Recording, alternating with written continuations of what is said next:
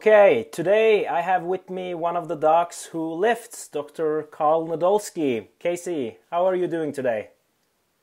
Doing all right. How are you? I'm fine, thank you. So today's topic is uh, testosterone. Uh, but before we start, could you give us a short introduction about yourself? Yep. Um, so I'm Karl Nadolsky. Uh, my nickname's Casey. Uh, some of you know me as, and uh, grew up in Michigan. I was an athlete, uh, kind of a nerdy athlete, scholar athlete. Went to Michigan State, wrestled there, had a good career doing pre med. went to medical school down in Florida. then I did internal medicine residency training.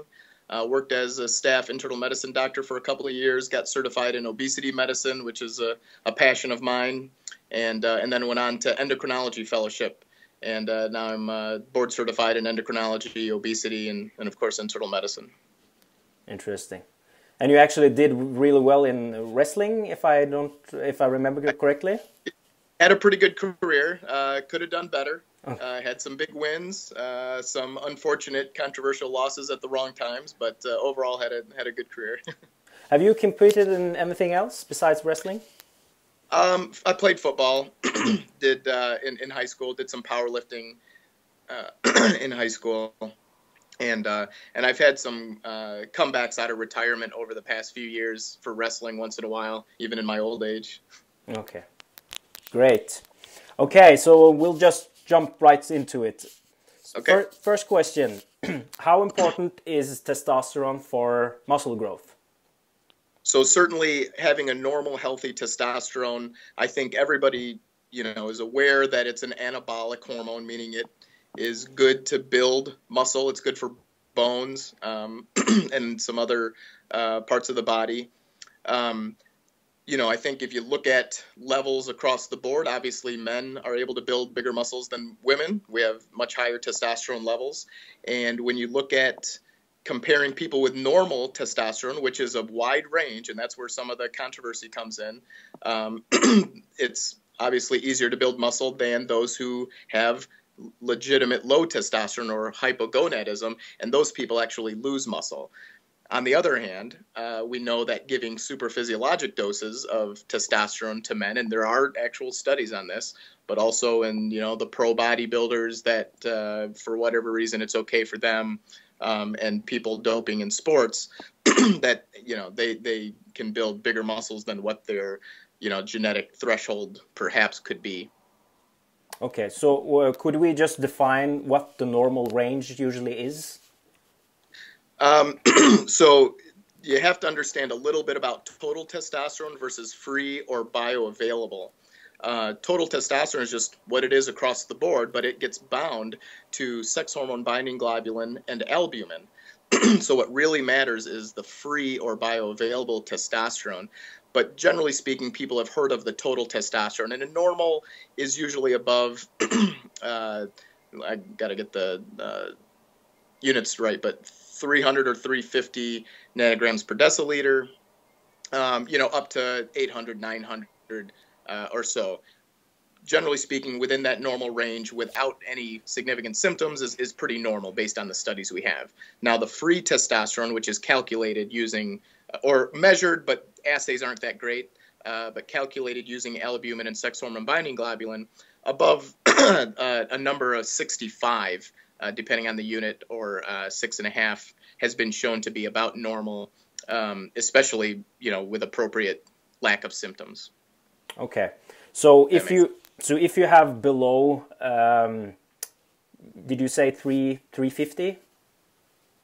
Yeah, if yeah. So again, it it really matters.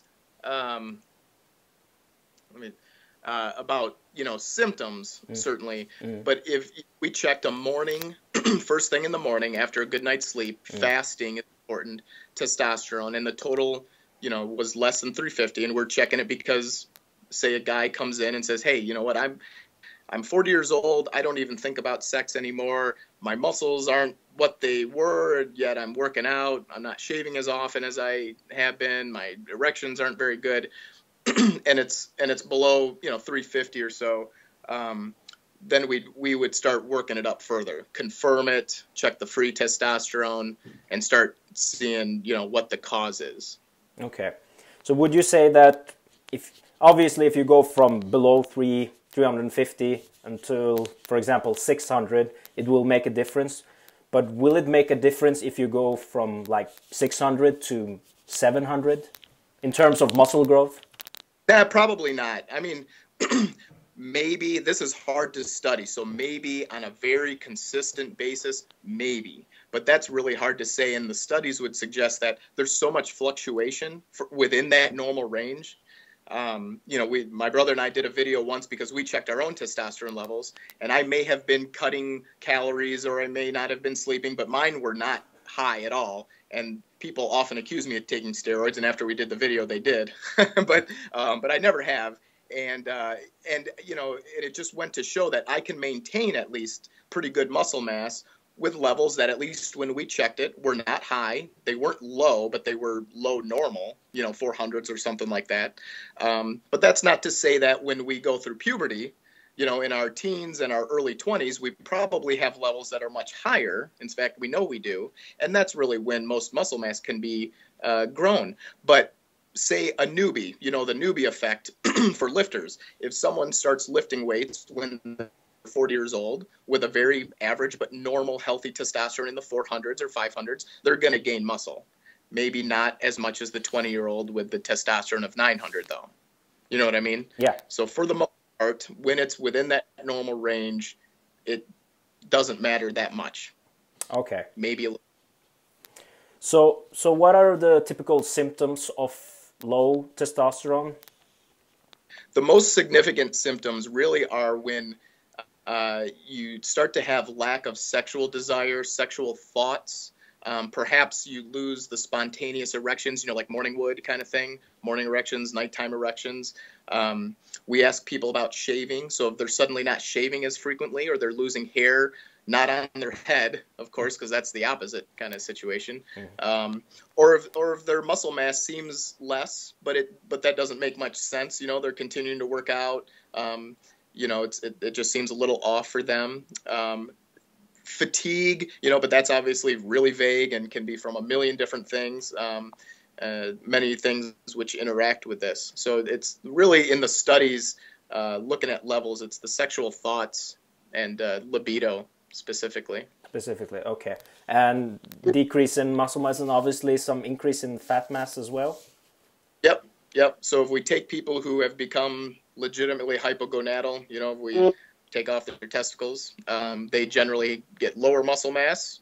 Their fat goes up. they usually have an increased cardiovascular risk, uh, and we see that with all the metabolic parameters. You know, diabetes, lipids, all that stuff. They become fatigued. Definitely. Okay, great. So, if, say, for example, you go to the doctor and he says that uh, your testosterone levels are low and you also have these symptoms, what can you make with your lifestyle that can um, help you improve your testosterone levels? Mm-hmm.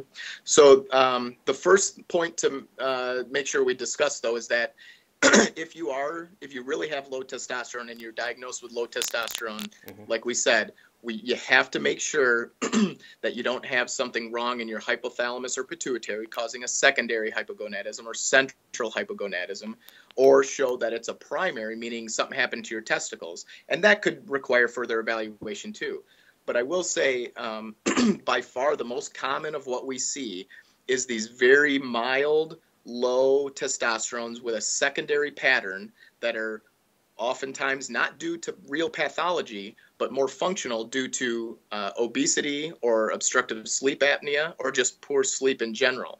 And so for that, the treatment is absolutely lifestyle is medicine, and uh, we have to fix the sleep. Everyone has sleep problems. That's huge for testosterone uh, because it's a nighttime. You know, that's why we check first thing in the morning and it has to be in people who have good sleep patterns. And the sleep apnea is huge, and 85% of people with obesity and diabetes have sleep apnea. So it's all going together and making their testosterone lower, which may adversely affect all those things too. So I call it a bi-directional sort of thing. So we have to fix the sleep. And then what we've shown or what we've seen in studies is that patients with severe obesity related hypogonadism uh, essentially have remission or resolution when they have bariatric surgery. So, of course, we want to not necessarily always do surgery, and we do show um, improvements in the studies uh, with medical or just lifestyle weight loss. And I will I'll tell you anecdotally while we're waiting for bigger studies with medicines and things like that, the patients who have low testosterone and lose dramatic amounts of weight, whether it's from bariatric surgery or from medicine or just straight up, you know, they cranked out their diet and exercise, their testosterone levels improve. And um, and uh, you know exercise we often prescribe just kind of the basics good hard weightlifting. Um, obviously we're the docs who lift so we encourage everyone to do that. We're a little biased mm. but we're biased for a reason. We think the evidence supports that.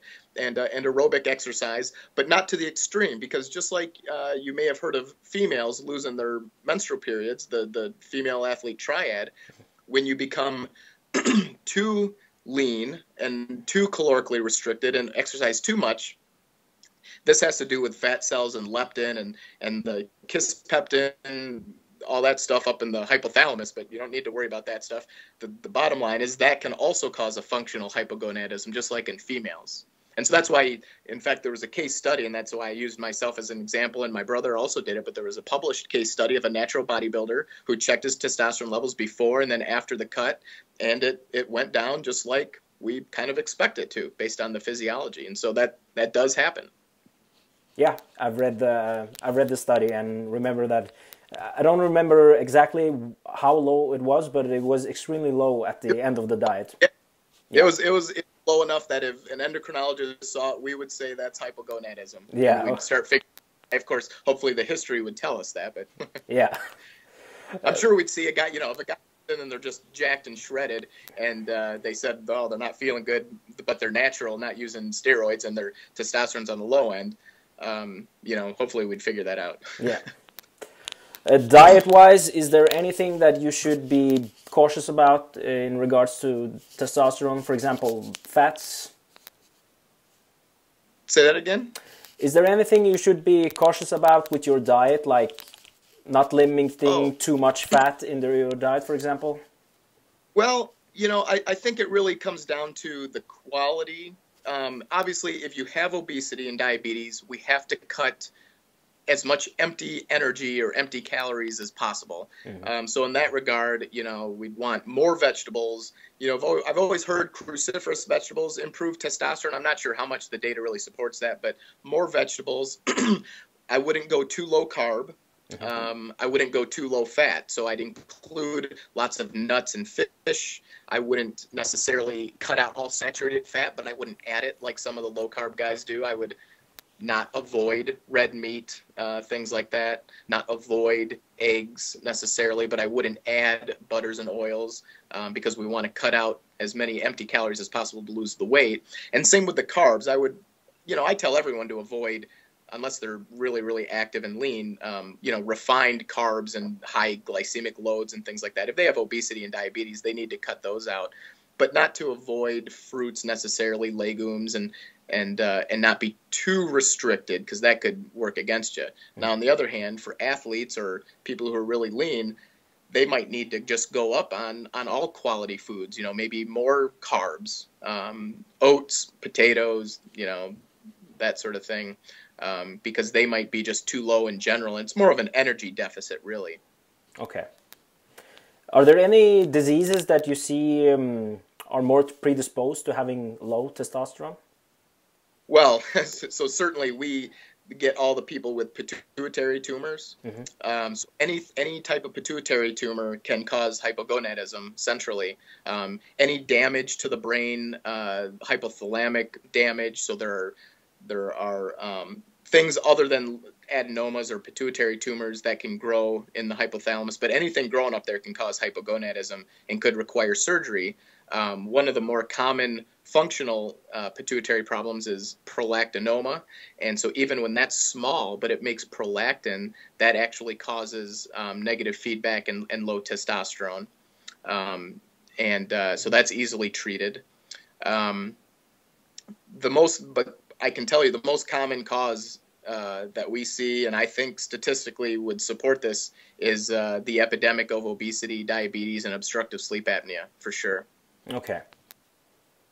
So the best thing that you can actually do if you have low testosterone and have um, a high fat percentage is is lose the weight, and that will help you along the way to increase your testosterone levels. Yeah, as long as there's not a, a yeah. you know a pathology in the in the pituitary or testicles. Yeah, yeah. absolutely. Yeah.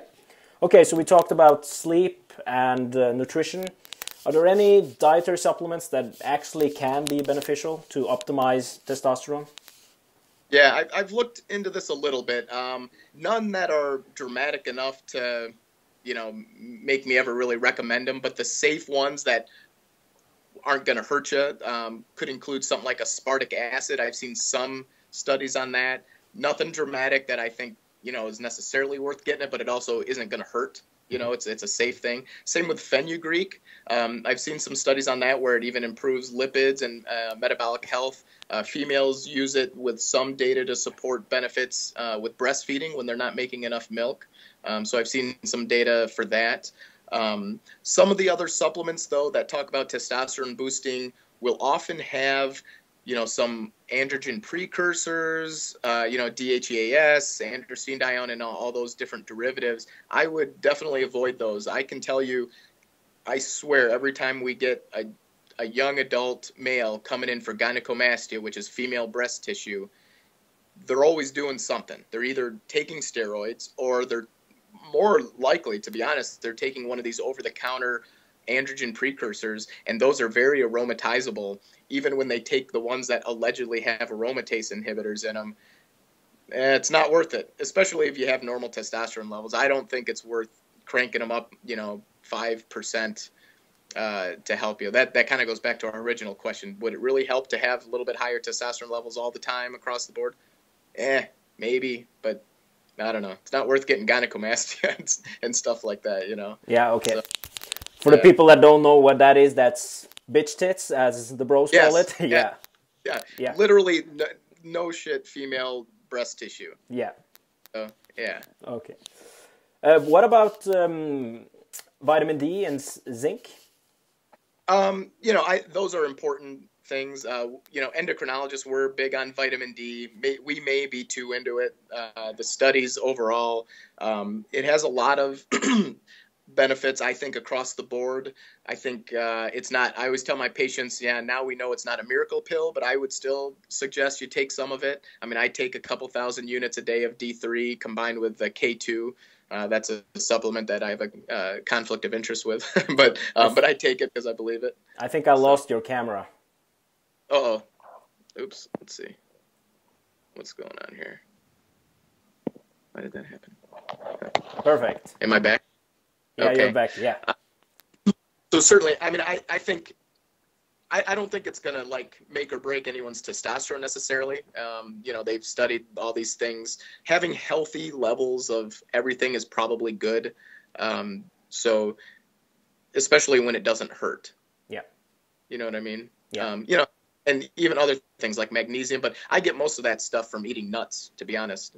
We, you know, a lot of people think Spencer and I are in the pocket of Mr. Peanut because we're always writing uh, reviews on, um, you know, the benefits of nuts because every time they're studied, they're they're beneficial. All the other foods, you know, seem to have controversies, but nuts always have benefits every time they're studied, and um, you know, maybe this is one of the areas. yeah, and they taste good as well. Yes, right, exactly. Yeah. I think it was a study uh, a couple of years ago from Pilz and colleagues, I think, that um, they gave um, obese males uh, 83 micrograms of vitamin D for a whole year and put them on an exercise program, um, lifting weights, and they saw an increase in, I think it was 25% in free testosterone. Those were, yeah, yeah. those, uh, the participants already had low vitamin D levels. Right when people have low vitamin D, mm. kind of across the board, no matter what, I, I, I think it's good to optimize it for yeah. sure. Yeah. Are there any mechanism with vitamin D and testosterone that might tell us uh, why it can be beneficial to optimize optimize it? Maybe there there are vitamin D receptors almost everywhere in the body. That's why we think that has so many possible benefits, but it's just hard to confirm. Mm-hmm. Um, you know, in the perfect studies, you know, we thought uh, that it would be like a miracle supplement for diabetes and stuff like that, and and there are some likely benefits still, but it's like it has a lot of nuances and caveats. Mm-hmm. Um, but certainly, I, I think uh, it's it's one of those where it has receptors everywhere, might have some benefits, um, very few harms, and all the different benefits taken together. I think is something that I generally recommend all my patients to optimize it, despite what the media will say, because a lot of the studies end up being negative, but they're not perfect studies, not the perfect people, only talking about one issue, not the whole thing. It's you know, I, I think overall vitamin D is a good, safe supplement. It's cheap something to keep optimized. Okay.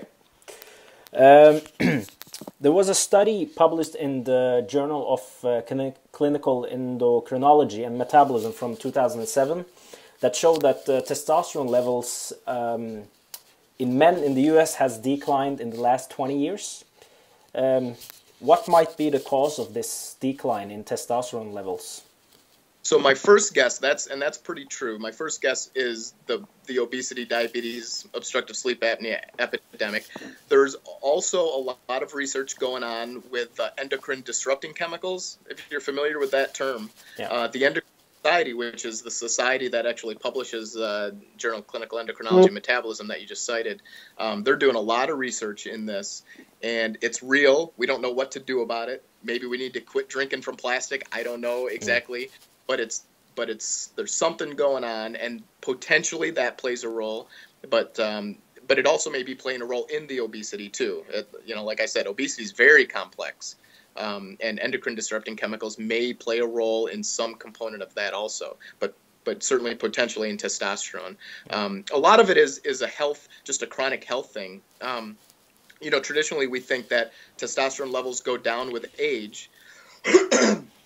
But um, there was an Australian study in the past couple of years that showed that when they looked at the just the healthy guys, they had fairly normal testosterone levels. Of course, it becomes a chicken or the egg thing, but generally speaking, we, we're starting to think that it's the chronic illness that's causing the low testosterone levels. Speaking of things like inflammatory bowel disease and stuff like that, you know, people get on steroids, people get on medications, they're not sleeping well, they're not, their nutrition isn't good, they're losing too much weight, they're overweight, stuff like that. Yeah. I, have seen that. Um, what do you call the chemicals? Um, is it BPA that's in the plastic? Yeah. Yeah, yeah bisphenol A. Yeah. Yeah, a lot. Yeah, that's one of them. Yeah, because I've seen that a lot of manufacturers of Tupperware and stuff like that are um, marketing more and more products with BPA free. Yeah. yeah. so there's something to be said about it. I just don't know what to tell you about it. yeah. yeah, I understand. Yeah. Are you um, are you experiencing yourself that um, patients are becoming more and uh, are becoming younger that are requiring TRT? Um, it's hard to say. I think more people come in uh, wanting treatment, mm. but that has to do with the fact that the United States allows uh, commercials for testosterone, whereas in all the other countries they don't. So in the United States, uh, workups for um, inappropriate prescriptions for and requests for testosterone replacement therapy have gone up a lot, um, and that's been published uh, recently.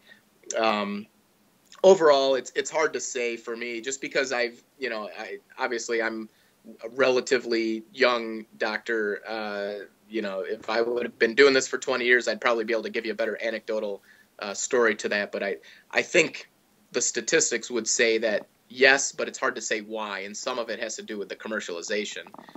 but I think there is a higher incidence right now or prevalence. Okay.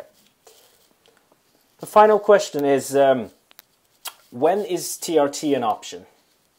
Like you, so, you mentioned some of it, but uh, yeah. Mm. So certainly, definitely, when when you diagnose it for certain, um, and and you've either treated or um, are dealing with the underlying cause. So a lot of what, like I said, what we get are people with pituitary problems or some other brain problem. They've had surgery, they've had radiation, and they have central hypogonadism, and it's not coming back.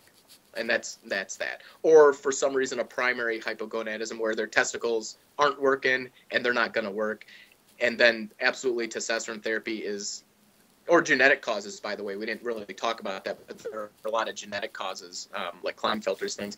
They, it's absolutely indicated without a question in that. Um, the controversy comes with more of this low T with male aging, the old andropause thing, and and the obesity associated hypogonadism. Um, for testosterone replacement therapy to have li- like real benefits, especially with say obesity and diabetes, the testosterone has to be pretty low. Mm-hmm. Um, when it's kind of this real marginal, like kind of around the borderline, it doesn't really tend to do much in terms of improvement. So I would say we really just focus on the diet, exercise, maybe obesity medications, maybe surgery, that sort of thing to treat it. Um, but uh, you know if they have symptoms and, and we treat appropriately it's uh, often very reasonable and uh, if we don't blast them. There's been a lot of controversy about cardiovascular risk over the past couple of years but i think you know my opinion as i've looked at all the evidence if we carefully do it and we give it to the appropriate patients in the appropriate amounts, I think it's pretty safe and, and could potentially have cardiovascular benefits. Some of the concern came from a study where it was, it was a good randomized controlled trial, not looking at cardiovascular events, but looking at frail older men with low testosterone, and they were trying to just beef them up and help them you know do stuff better functional stuff and they were they were blasting them with testosterone and they had increased cardiovascular events and had to stop the trial and that scared everybody but I wouldn't give an 80 year old male with chronic low testosterone and other ailments the testosterone of a 20 year old. That's, I think, a good point that came out of that trial. So, um, so definitely, if you know, when testosterone is definitively low, and we think the benefits will outweigh the risk, and we and and there's no other way to treat the underlying cause, then sure.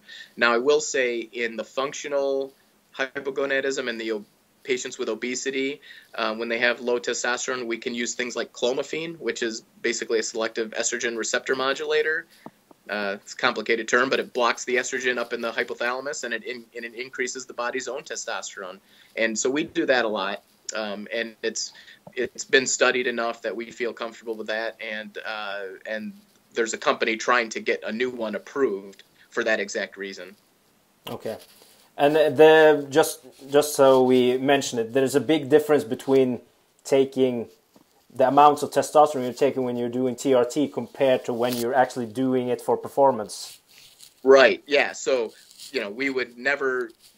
There there are too many adverse effects to to you know give super physiologic doses. Obviously, the pro bodybuilders, you know that's that's their livelihood and that's their thing and I don't necessarily agree with that's how it should be because you know, I don't think it's fair to the people who don't want to do that, but um, but that's what they do. And uh, but in medicine, you know, we replace people to reasonably normal levels and improve their symptoms. I think usually the benefits outweigh the risks. We just have to be careful and we monitor things. You know, we monitor their hematocrit hemoglobin, make sure we're not making that go up too high.